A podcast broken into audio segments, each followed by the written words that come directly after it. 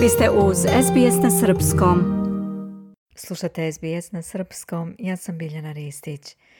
U Budvi je održan summit za demokratiju u jugoistočnoj Europi pod nazivom Rat u Europi, uticaj na Balkan, koji je organizovao Međunarodni republikanski institut u Crnoj Gori, a sa kojeg su učesnici poručili da je obaveza svake države Zapadnog Balkana da doprinese da što pre dođe do mira u Ukrajini, a na putu ka Evropskoj uniji najvažnije je da region sarađuje. Na samitu početkom ove sedmice su se okupili predsjednik vlade Crne Gore, Dritan Ambazović, zamjenik premijera i ministar za evropske poslove Severne Makedonije Bojan Maričik, predsjednica Kosova Vjosa Osmani, specijalni predstavnik Evropske unije za dijalog Beograda i Prištine i druga regionalna pitanja Zapadnog Balkana Miroslav Lajčak, specijalni izaslanik Velike Britanije za Zapadni Balkan sa Stuart Pitch i regionalni direktor za Europu u Međunarodnom republikanskom institutu Paul McCarthy, koji je kazao da su se okupili na skupu da porazgovaraju na način koji će uključivati važne lidere, ali i istraživače i političke lidere i novinare iz čitavog regiona. Crnogorski premijer Dritana Bazović najavio je u ponedjeljak da će predstavnici Crne Gore kao posmatrači ići u Ohrid na skup inicijative Otvoreni Balkan 7. i 8. juna, kome će prisustvovati i Evropski komesar za proširenje Oliver Varhelji. O čemu je bilo reći na samitu u Budvi saznaćemo od Milice Delibašić. Premijer Crne Gore Dritan Abazović učestvovao je na Budvanskom samitu za demokratiju u jugoistočnoj Evropi. To je bila prilika da se dotakne brojnih aktuelnih tema od otvorenog Balkana, temeljnog ugovora sa Srpskom pravoslavnom crkvom, ali i evropskih integracija. Komentarišući to što je ministar pravde Marko Kovač najavio potpisivanje temeljnog ugovora za SPC do kraja juna, Abazović je poručio da ne treba robovati rokovima, te da trenutno nema nikakvih nesuglasica tim povodom. Što se mene tiče, ja bih volio da se to sjutra riješi.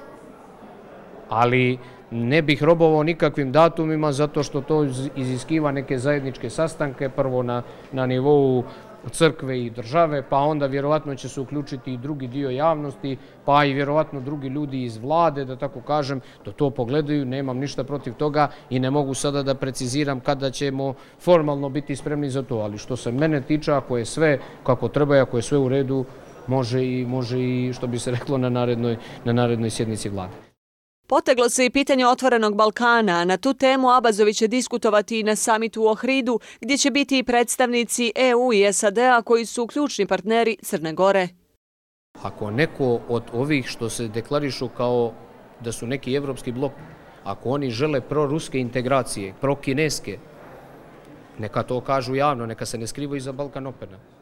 Naša politika je vrlo jasna. Mi smo spoljnu politiku usmjerili na dva ključna partnera, Evropska unija i SAD. Evropska unija i SAD će biti u okridu. Ako neko iz Evropskog bloka misli da treba da sjednemo sa Putinom ili sa nekom drugom državom koja nije Evropska unija i SAD, neka to kažu, ali neka se ne skrivaju iza Balkanopena. Svoj stav o otvorenom Balkanu iznio i predstavnik Evropske unije za dijalog Beograda i Prištine Miroslav Lajčak dajemo prostor svakoj inicijativi, kao što sam rekao, u, sta dva uslova, znači da je inkluzivna, da nije, niko nije isključen iz nje i da e, se osniva na evropskim normama, evropskim vrednostima. Na konferenciji za medije u oči samita Lajčak je poručio da je rat u Ukrajini promijenio sve i donio posljedice sa kojima se svi moraju suočiti.